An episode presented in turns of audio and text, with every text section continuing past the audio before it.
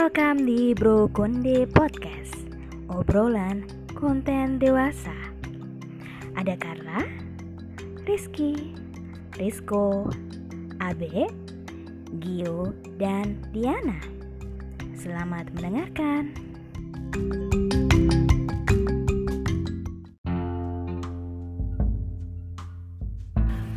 Halo, assalamualaikum warahmatullahi wabarakatuh. Balik lagi di Bro Konde dengan gua Rizky di sini. Ya, kita masuk ke segmen omong kosong yang kali ini agak sedikit berbeda dengan biasanya karena kita sedang dilanda pandemi COVID-19 di seluruh dunia.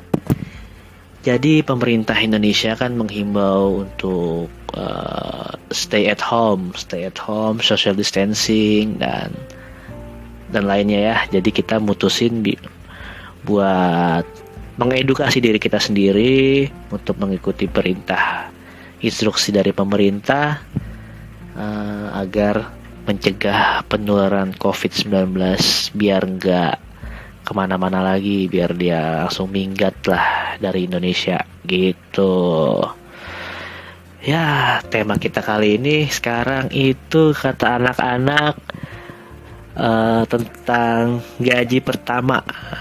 Cuman sebenarnya sih off the record aja ya. Gue sih sebenarnya pengennya ngebahas malam pertama.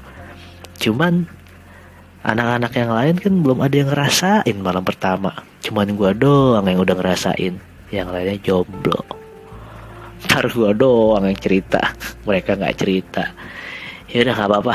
Jadi gaji pertama. Gaji pertama gue dulu itu hmm, tahun 2011 bulan Maret gue inget banget jumlahnya jauh di bawah UMR kalau gue bilang 1,3 juta potong pajak Nah, jadi gue terimanya bersihnya 1,2 juta 90 berapa ribu gitu. Lupa gue sekiannya lah. Nah, untuk apa sih gaji pertama gue? Nah, jadi gaji pertama gue tuh pertama kali gue dapat gaji itu separohnya langsung gue kasih nyokap gitu biar gimana itu udah tekad gue dari awal. Pokoknya gue dapat gaji pertama uh, tadinya sih mau semuanya gue kasih nyokap cuman ya karena gue lihat nominalnya cuma segitu ya, separuhnya dulu lah. Jadi gue juga kan karena baru pertama kali kerja gue juga kan pengen beli uh, kemeja sepatu celana gitu untuk ya namanya juga orang baru lulus kuliah belum pernah kerja jadi masih belum punya uh, perlengkapan kerja yang lumayan banyak gitu. Udah cuman bisa beli itu doang. Habis sudah gaji gue nah cuman gue beruntung gue kerja di tempat yang banyak cipratannya gitu. Jadi dalam sebulan tuh ada aja cipratan-cipratannya. Kayak gue dinas keluar kota gue disuruh rapat sana sini. Nah itu lumayan juga buat nambah-nambah penghasilan gue nah sebenarnya sih dari cipratan-cipratan itu gue bisa uh, membeli kebutuhan-kebutuhan gue lainnya gitu. Kayak gue beli laptop waktu itu gue bisa pacaran rutin sama cewek gue setiap minggu pacaran kan ngajak nonton makan jalan. Nah itu dari cipratan-cipratan itu tuh. Terus uh, apa lagi ya? Oh iya jadi oh setelah sekian bulan gue waktu itu berani ini ngeberanin diri buat nyicil mobil. Ya walaupun mobil second ya tapi dengan penghasilan gue 1,2 juta cicilan gue 1,5 nah kalau anak akuntansi denger bisa marah-marah dia. Gimana bisa hitungannya? Orang gaji lu 1,2 cicilan lu 1,5 nah itulah gue dari cipratan-cipratan gue yang lain itu gitu. Jadi gue berani buat ngambil cicilan begitu gara-gara cipratan itu nah terus uh, apalagi ya? Gue jadi cerita cipratan-cipratannya bukan cerita gaji pertamanya. Ya emang gaji pertama gue cuman buat itu doang abis mau apalagi yang ceritain uh, mungkin teman-teman gue podcaster yang lainnya bisa cerita-cerita tentang oh pengalaman-pengalaman mereka tentang gaji pertamanya dipakai apa aja mungkin ada yang gaji pertamanya langsung 15 juta kan. Banyak tuh mau dipakai apa aja. Ntar denger sendirilah. Jadi habis ini uh, mereka teman-teman gue podcaster yang lainnya akan bercerita saling ganti-gantian untuk menceritakan pengalaman mereka tentang gaji pertamanya. Mungkin sekian aja dari gua. Mudah-mudahan kita bisa rekaman bareng lagi biar bisa seru biar bisa makin mudah berkaryanya uh, makin banyak juga yang dibahas. Mungkin juga pastinya lebih menarik buat didengerin ya. Dan semoga wabah pandemi corona 19 cepet-cepet hilang pasien-pasien positif covid bisa segera disembuhkan dan sudah uh, dan tidak ada lagi yang tertular lah. Ya mungkin segitu aja dari gua. Uh, selamat menikmati pengalaman-pengalaman cerita-cerita lainnya yang pastinya lebih seru. Bye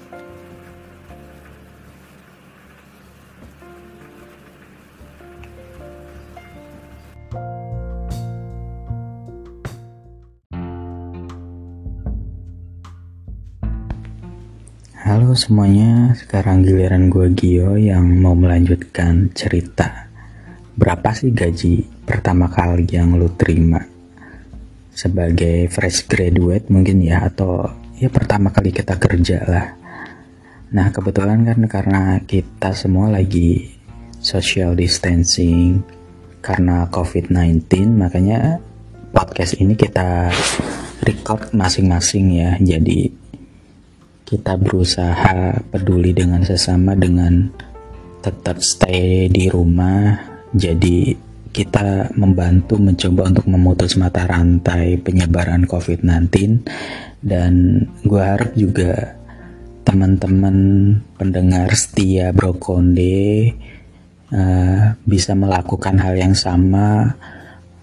Ya kita coba peduli dari hal yang paling kecil gitu Nah, balik lagi ke tema yang gue sebutkan tadi dan melanjutkan teman-teman yang sudah menceritakan sebelumnya. Gaji pertama yang gue terima, gue agak lupa sih berapa. Uh, dulu mungkin kalau yang benar-benar gue bilang kerja pertama kali di call center. Uh, di call center uh, sebuah restoran cepat saji. Nah, kebetulan kantornya ada di daerah Cempaka Putih. Dan itu kayaknya sih ya cuman sejutaan deh kayaknya gue lupa soalnya dan karena kebetulan sebagai fresh graduate uh, eh, gue nggak berharap banyak sih berapa gaji yang uh, harus dan bisa uh, gue peroleh. Karena saat itu kan biasa lah ya sebagai fresh graduate paling uh, tujuan kita gimana setelah lulus kita uh, bisa langsung kerja. Kita bisa tetap produktif. Walaupun mungkin belum bisa membantu ekonomi keluarga tapi minimal uh, lu nggak nyusahin lagi orang tua dan lu bisa menghidupi diri lu sendiri. Nah, dan buat apa sih gaji pertama gue? Ya, karena saat itu memang tujuan gue ya cuman sekedar biar bisa makan dan mungkin bisa dibilang nggak pengen terus-terusan uh, membebani orang tua lah gitu uh, ceritanya saat itu. Uh, makanya ya paling ya hanya buat bayar kos buat makan gitu dan uh, gue lupa gue beli apa beli apa dari gaji itu karena uh, ya memang gajinya tuh bisa dibilang hanya cukup untuk makan sebulan dan menyambung ke bulan berikutnya. Makanya uh, gaji pertama gue ya hanya habis di situ saja sih. Dan kebetulan karena uh, saat itu gue kerja uh, benar-benar jauh dari uh, sekolah gue dan saya jadi uh, gue nggak ada kesempatan lagi buat ketemu teman-teman SMA ataupun kuliah gue gitu. Jadi nggak nggak ada itu yang acara-acara minta ditraktir gaji pertama atau di kantor pun uh, sebagai anak baru junior senior senior juga nggak ada yang eh uh, gajian pertama gitu kan uh, traktir dong. Ya nggak ada karena kayaknya kebetulan di situ. Kita mungkin uh, satu sama lain udah tahu bahwa gaji yang kita peroleh itu nggak seberapa gitu. Jadi kayaknya uh, lu nggak punya hati banget kalau lu misalnya minta traktir juga gitu. Jadi ya nggak ada nggak ada yang mungkin orang-orang pada umumnya yang traktir-traktir karena gaji pertama sih jadi benar-benar gaji pertama yang gue terima ya habis aja ya buat bayar kos sama makan gitu. Nah kemudian apa lagi ya? Kemudian ya setelah menerima gaji pertama otomatis ya uh, seneng pasti ya. Oh akhirnya uh, gue bisa dapat duit dari keringat gue sendiri itu ya memang benar-benar rasanya lebih nikmat sih kalau menurut gue jadi lebih enak dinikmati walaupun memang um, mungkin nilainya nggak terlalu fantastis tapi ya karena itu benar-benar duit yang kita peroleh dari keringat kita sendiri tuh makanya benar-benar enjoy dan senang sih senang banget. Terus terang uh, senang akhirnya bisa punya uh, gaji sendiri yang dulu waktu kita sekolah atau kuliah kan kayaknya kita pengen banget uh, cepet-cepet kerja gitu supaya bisa dapat duit dan akhirnya bisa kesampaian saat itu gitu. Makanya ya pastinya senang sih dan buat apanya ya uh, kebetulan gue menggunakan gaji pertama gue ya cukup standar nggak neko-neko cuman buat ya makan bayar kos dan oh ya untuk menyambung sampai ke bulan berikutnya sampai ke tanggal gajian lagi. Hmm, kayaknya kalau dari gue sih sharing pengalaman gaji pertama kayaknya sampai di situ doang ya. Dan nggak bosan-bosannya gue ngingetin lagi ke teman-teman brokonde kita tetap stay healthy stay at home social distancing dan kita peduli dengan sesama dengan tidak keluyuran dan tidak menyem jadi kita bisa membantu memutus mata rantai penyebaran COVID-19 dan kita semua berdoa supaya pandemik ini segera berakhir. Oke, terima kasih. Bye.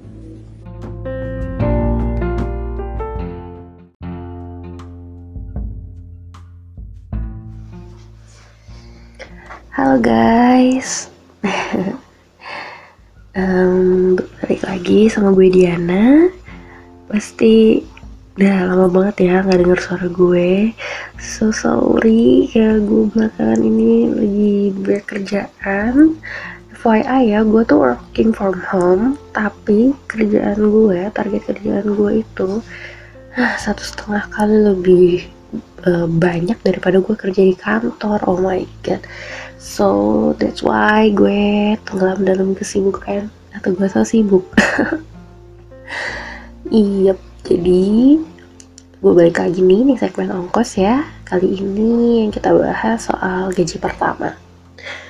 Hmm, pengalaman gaji pertama gue waktu itu gue baru lulus itu tahun 2006 gue baru kelar skripsi, revisian dan lain-lain lah ya tinggal nungguin uh, wisuda aja. Nah kebetulan gue diajak sama kakak kelas gue uh, uh, kelas gue ini emang main deket ya karena kita sering bareng di organisasi. Jadi dia tahu gue baru kelar urusan skripsi dan ngajakin gue buat gabung di satu project projectnya sih. Gak lama ya cuman tiga minggu project kecil-kecilan juga. Di sana ya kita kerjain kita bikin uh, ya di project itu kita bikin rancangan kerangka PPK PPK itu pedoman praktik klinis yang nantinya dipakai buat pendidikan program profesi gitu. Jadi um, eh, FYI gue kan S1 fisioterapi ya dan hampir rata-rata semua tenaga medis tahu gue kok koreksi kalau gue salah ya itu setelah lulus S1 wajib ngambil pendidikan profesi. Nah termasuk fisioterapi juga untuk S1 fisioterapi. Nah jadi saat itu program profesi fisioterapi di Indonesia masih uh, baru banget atau bahkan masih dalam uh, ini rancangan gitu ya. Gue lupa lupa inget deh nah jadi apa ya yang kita buat di project ini itu nantinya dipakai buat hmm, dasar SOP pengajarannya gitu. Uh, kedengarannya agak sok pinter gitu ya kerjaannya. Tapi tenang di situ bukan cuman anak-anak fresh graduate aja yang kayak gue yang terjun dalam proyeknya itu. Ada dosen gue juga di sana dosen gue itu sekaligus ketua ikatan profesi juga jadi dia yang ngebimbing kita koreksi kerjaan kita ngasih arahan uh, soal bagaimana di pembuatan uh, eh, PPK-nya itu gitu ya. Nah, karena itu masih proyek kecil-kecilan, jadi uh, kita pakai sumber daya sendiri, sumber daya sumber daya kita sendiri tuh kayak laptop, terus uh, internet juga kita tethering ya. itu pakai jaringan kita sendiri juga. Gue tethering dari handphone lah uh, buat ini ya. Uh, selama tiga minggu itu karena gue udah kelar kuliah karena gue udah selesai kuliah. Jadi waktu itu gue udah nggak ngekos lagi. Nah berhubung tempat kerjanya ini dekat kampus gue jadi tempat kerjanya ini tuh di Cengkareng ya gue numpang di kosan teman gue yang kebetulan teman gue masih ngekos dekat kampus. Nah, gue numpang di sana. Uh, dan dari kosan ke tempat kerja itu gue naik ojek online. Nah, gitu. lah nah selama tiga minggu itu uh, gue happy sih ngerjain kerjaannya.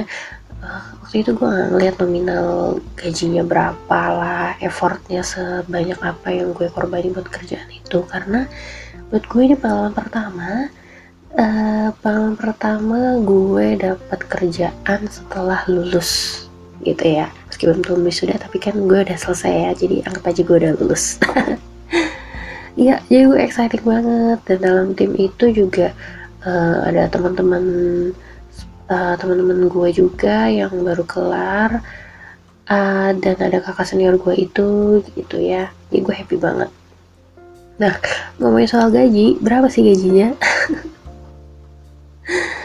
um, ya karena kita masih nol pengalaman, baru lulus banget, ijazah aja waktu itu gue belum keluar loh ya. Dan ini ya juga cuma proyek kecil-kecilan sekali lagi.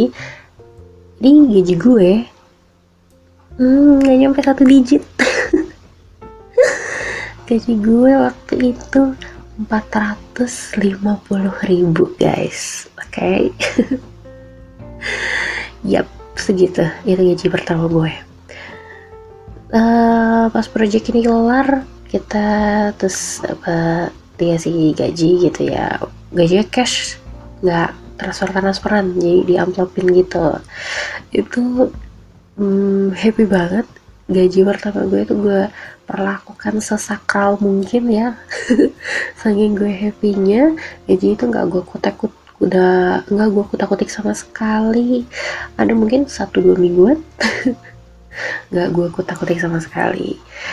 Itu gue jadiin kayak jimat buat gue untuk ngedapetin kerjaan berikutnya. Oh my god. Ini gaji itu gue pakai.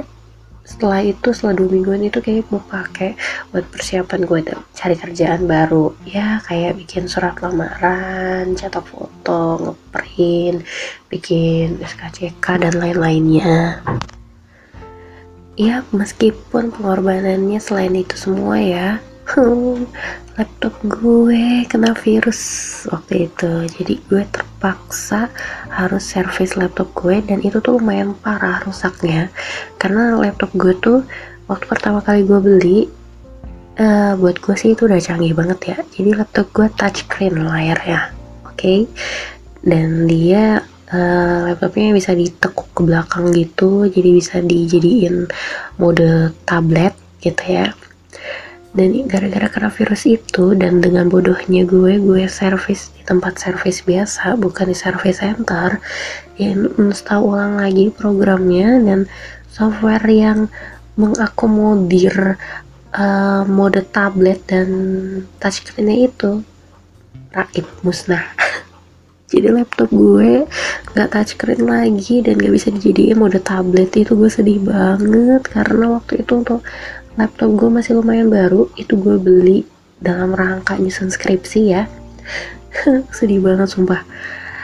Ah, belum lagi ongkos dari rumah gue ke kosan temen gue dari kosan temen gue ke tempat kerjanya. Terus ya ongkos kayak gitu dan belum makan siangnya juga sebenarnya banyak pengeluaran ini dan itunya yang kalau dihitung-hitung sebenarnya tuh gak worth it sama gajinya. Cuman untungnya ya gue waktu itu masih dikasih uang saku sih sama orang tua gue jadi itulah kenapa gaji gue masih utuh gak gue sentuh-sentuh. Kalau misalkan sekarang uh, itu terjadi lagi oh my god gak mungkin gue udah gak itu udah besar itu udah besar pasak daripada tiang banget bangkrut ya. Ya jadi buat gue itu hitung-hitung pengalaman pertama. Karena pengalaman itu juga berharga ya. Gak cuma soal gaji doang. Pengalaman pertama untuk kerja sama orang. Pengalaman pertama untuk dapat target harus begini dan gitu pengalaman pertama juga untuk uh, ngejalanin teamwork dalam posisi bekerja. Jadi itu benar-benar pengalaman yang berharga banget buat gue yang emang ngebantu banget saat gue cari kerjaan kerjaan yang sesungguhnya setelahnya gitu pengalaman itu. Hmm, jadi ya itu cerita gue soal pengalaman gaji pertama ya hmm, semoga kalian terhibur. Sorry kalau misalkan kurang menarik. Next time uh, kalian dengar lagi suara gue di segmen ongkos atau segmen Wita ya sama Mbak Carla semoga gue cepet keluar dari lingkaran kesibukan sok sibuk gue ini. Oke okay, kalau gitu see you next time. Bye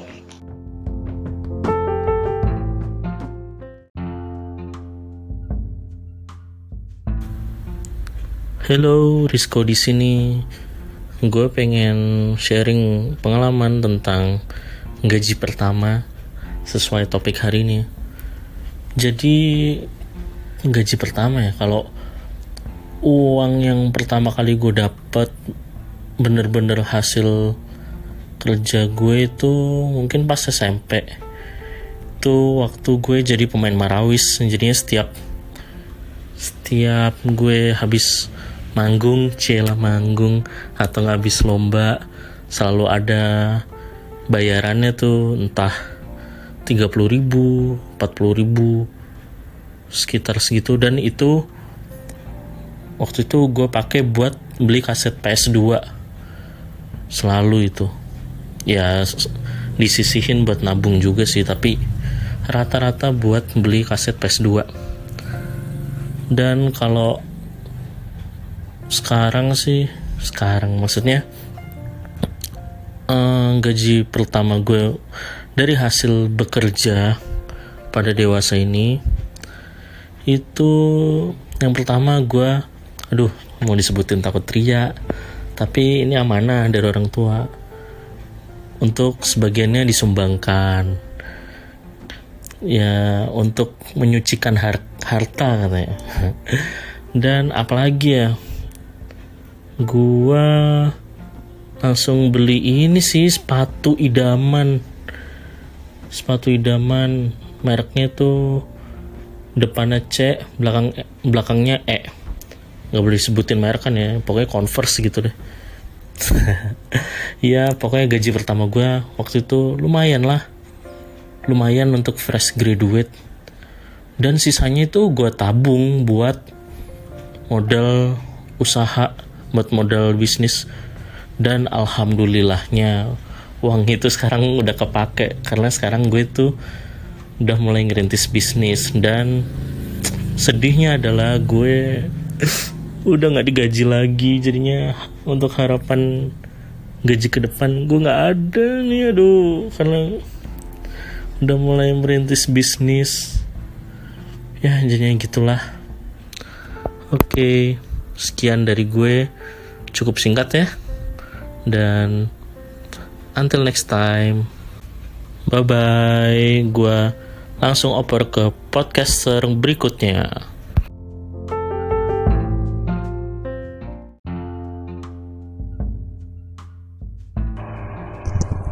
Halo Bro Konde, balik lagi sama gue Carla. Nah, setelah ngedengerin cerita dari teman-teman podcaster Bro Konde yang lain, dari cerita Rizky, Gio, Diana, sama Rizko, harusnya ada satu lagi, Abe, cuma dia lagi uh, ada kerjaan yang nggak bisa ditinggal, jadi dia nggak bisa join untuk segmen ongkos tema gaji pertama ini. Jadi langsung aja ke gue. Jadi untuk gaji pertama gue itu ya nggak nggak banyak. Karena gue pertama kali kerja kan tahun 2010 itu di salah satu perusahaan multi finance di bank yang bisa dikatakan bank terbesar di Asia Tenggara. Cuman gue bisa masuk uh, ke situ karena lewat outsourcing kan. Memang karena misalkan anak lulus SMA tuh untuk masuk di perusahaan besar ya salah satu satu-satunya cara malah ya itu ya lewat outsourcing. Dan untuk gaji pertama gue di situ tuh cuman netnya take home pay-nya itu dapetnya 1,1 juta. Ya lo tau sendiri lah ya yang namanya outsourcing kalau motong gaji orang tuh nggak kira-kira segitu banyaknya dan gue cuma dapat segitu. Di tahun 2010 gue masih inget banget di bulan Agustus. Nah uh, di situ tuh gue kerja hampir 3 tahun. Lumayan lama. Dan gue kan waktu itu salah satu tahun setelah lulus SMA jadi gue kerja sambil kuliah. Gue pagi kerja. Kebetulan uh, lokasinya di daerah Pondok Indah dan itu sore kan gue kuliah. Dan itu emang searah dengan kampus gue gitu jadi uh, lumayan betah di situ lingkungannya asik anak orangnya juga enak. Dan untuk gaji pertama itu gue pakai setengahnya langsung gue kasih ke nyokap. Terus sisanya sebagian ya gue ini ya buat tambah-tambahan beli buku waktu kuliah buku kuliah gitu atau tambahan untuk biaya kuliah dan sebagian. Sebenarnya gue ada boros sih orangnya sebagian gue suka ini nih gue suka bawa pulang makanan ke rumah gitu. Sampai nyokap gue itu nyokap gue sampai bilang emang gajimu berapa sih? Gak usah boros-boros ngapain bawa tentengan mulu ke rumah sampai digituin. Saking saking seringnya. Ya namanya anak sama orang tua lah ya. Yang namanya gaji pertama pengen nyenengin orang tua kayak gitu sih sebenarnya nah uh, kalau uh, dibilang gajian sekarang ya lumayan lah ya. Udah jadi apa ya setiap gue resign dari tempat kerjaan yang lama itu selalu ada peningkatan di tempat kerja yang baru. Peningkatan dari segi jabatan ya dari gaji iya gitu. Jadi sekarang yang bisa dikatakan alhamdulillah ya selain gaji pokok juga ada insentif gitu cuman ya berharapnya ke depannya uh, dapat gajinya ya udah dua digit gitu ya. Gaji pokoknya belum insentifnya gitu. Pengennya ya udah dua digit. Ya semoga lah ya kalau misalkan tahun ini lulus S2 itu bisa meningkatkan value meningkatkan angka juga untuk gaji kita. Nah ya semoga aja lah ya nanti ke depannya perekonomian di Indonesia juga lebih baik jadi masalah gaji juga pasti akan lebih meningkat gitu. Mungkin untuk ngomongin masalah gaji pertama untuk topik Brokonde kali ini kan gak banyak yang bisa dibahas ya. Jadi uh, gue pengen bahas sedikit aja tentang COVID-19. Jadi gue Carla mewakili segenap teman-teman podcaster Brokonde yang lain ingin mengucapkan turut berduka cita untuk keluarga yang ditinggalkan, untuk para korban yang sudah positif corona dan dinyatakan meninggal. Semoga diberikan ketabahan untuk eh, orang-orang yang sedang berjuang melawan virus ini yang sudah dinyatakan positif corona tetap semangat tetap semangat intinya karena memang tim medis itu sudah sangat luar biasa bekerjanya. Gue tipikal orang yang salah satu salah satu orang lah ya yang, yang sangat mengapresiasi dengan orang-orang yang bekerja di bidang jasa terutama untuk yang bekerja di rumah sakit di medis sebagai garda terdepan untuk melawan wabah virus corona ini. Tetap semangat untuk tim medis untuk um, kalian yang di rumah aja please. Nggak usah gak usah mention kalau kalian bosen dan segala macam kalian lebih banyak bersyukur kalian di rumah karena kalau misalkan kalian keluar pun kebetulan gue kerja kantornya itu ada beberapa yang di work from home kan. Ada beberapa yang harus tetap operasional dan bergiliran seperti itu cuman karena wabah wabah corona kali ini tuh udah sangat-sangat serius, udah nggak bisa dibicarain lagi. Korban meninggalnya sudah seratusan, korban yang dinyatakan positif corona juga sudah seribuan lebih.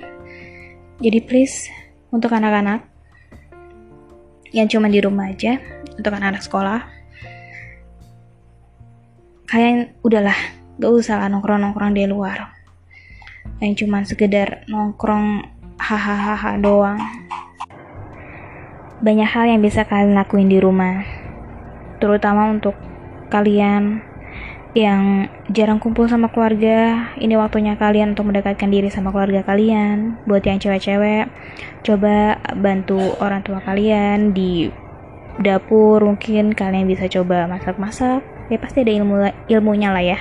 Kalian di dapur belajar masak. Kemudian, kalau yang cowok, mungkin kalau kalian bosan ya tinggal main game aja kan ya seperti biasanya.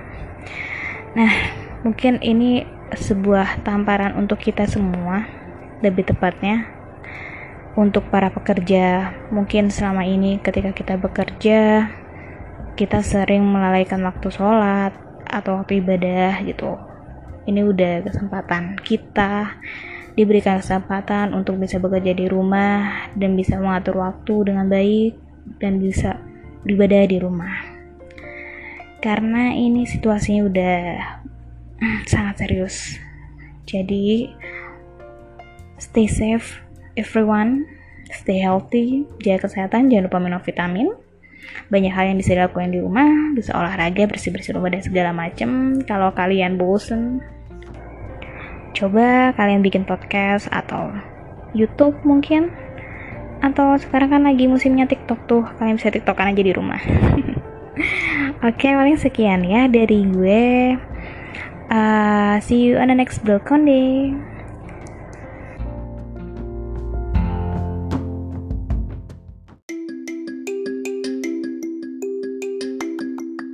Libur sama onde-onde. Pantangin terus Bro Konde ya. Jangan lupa hidup bahagia guys. Wassalam.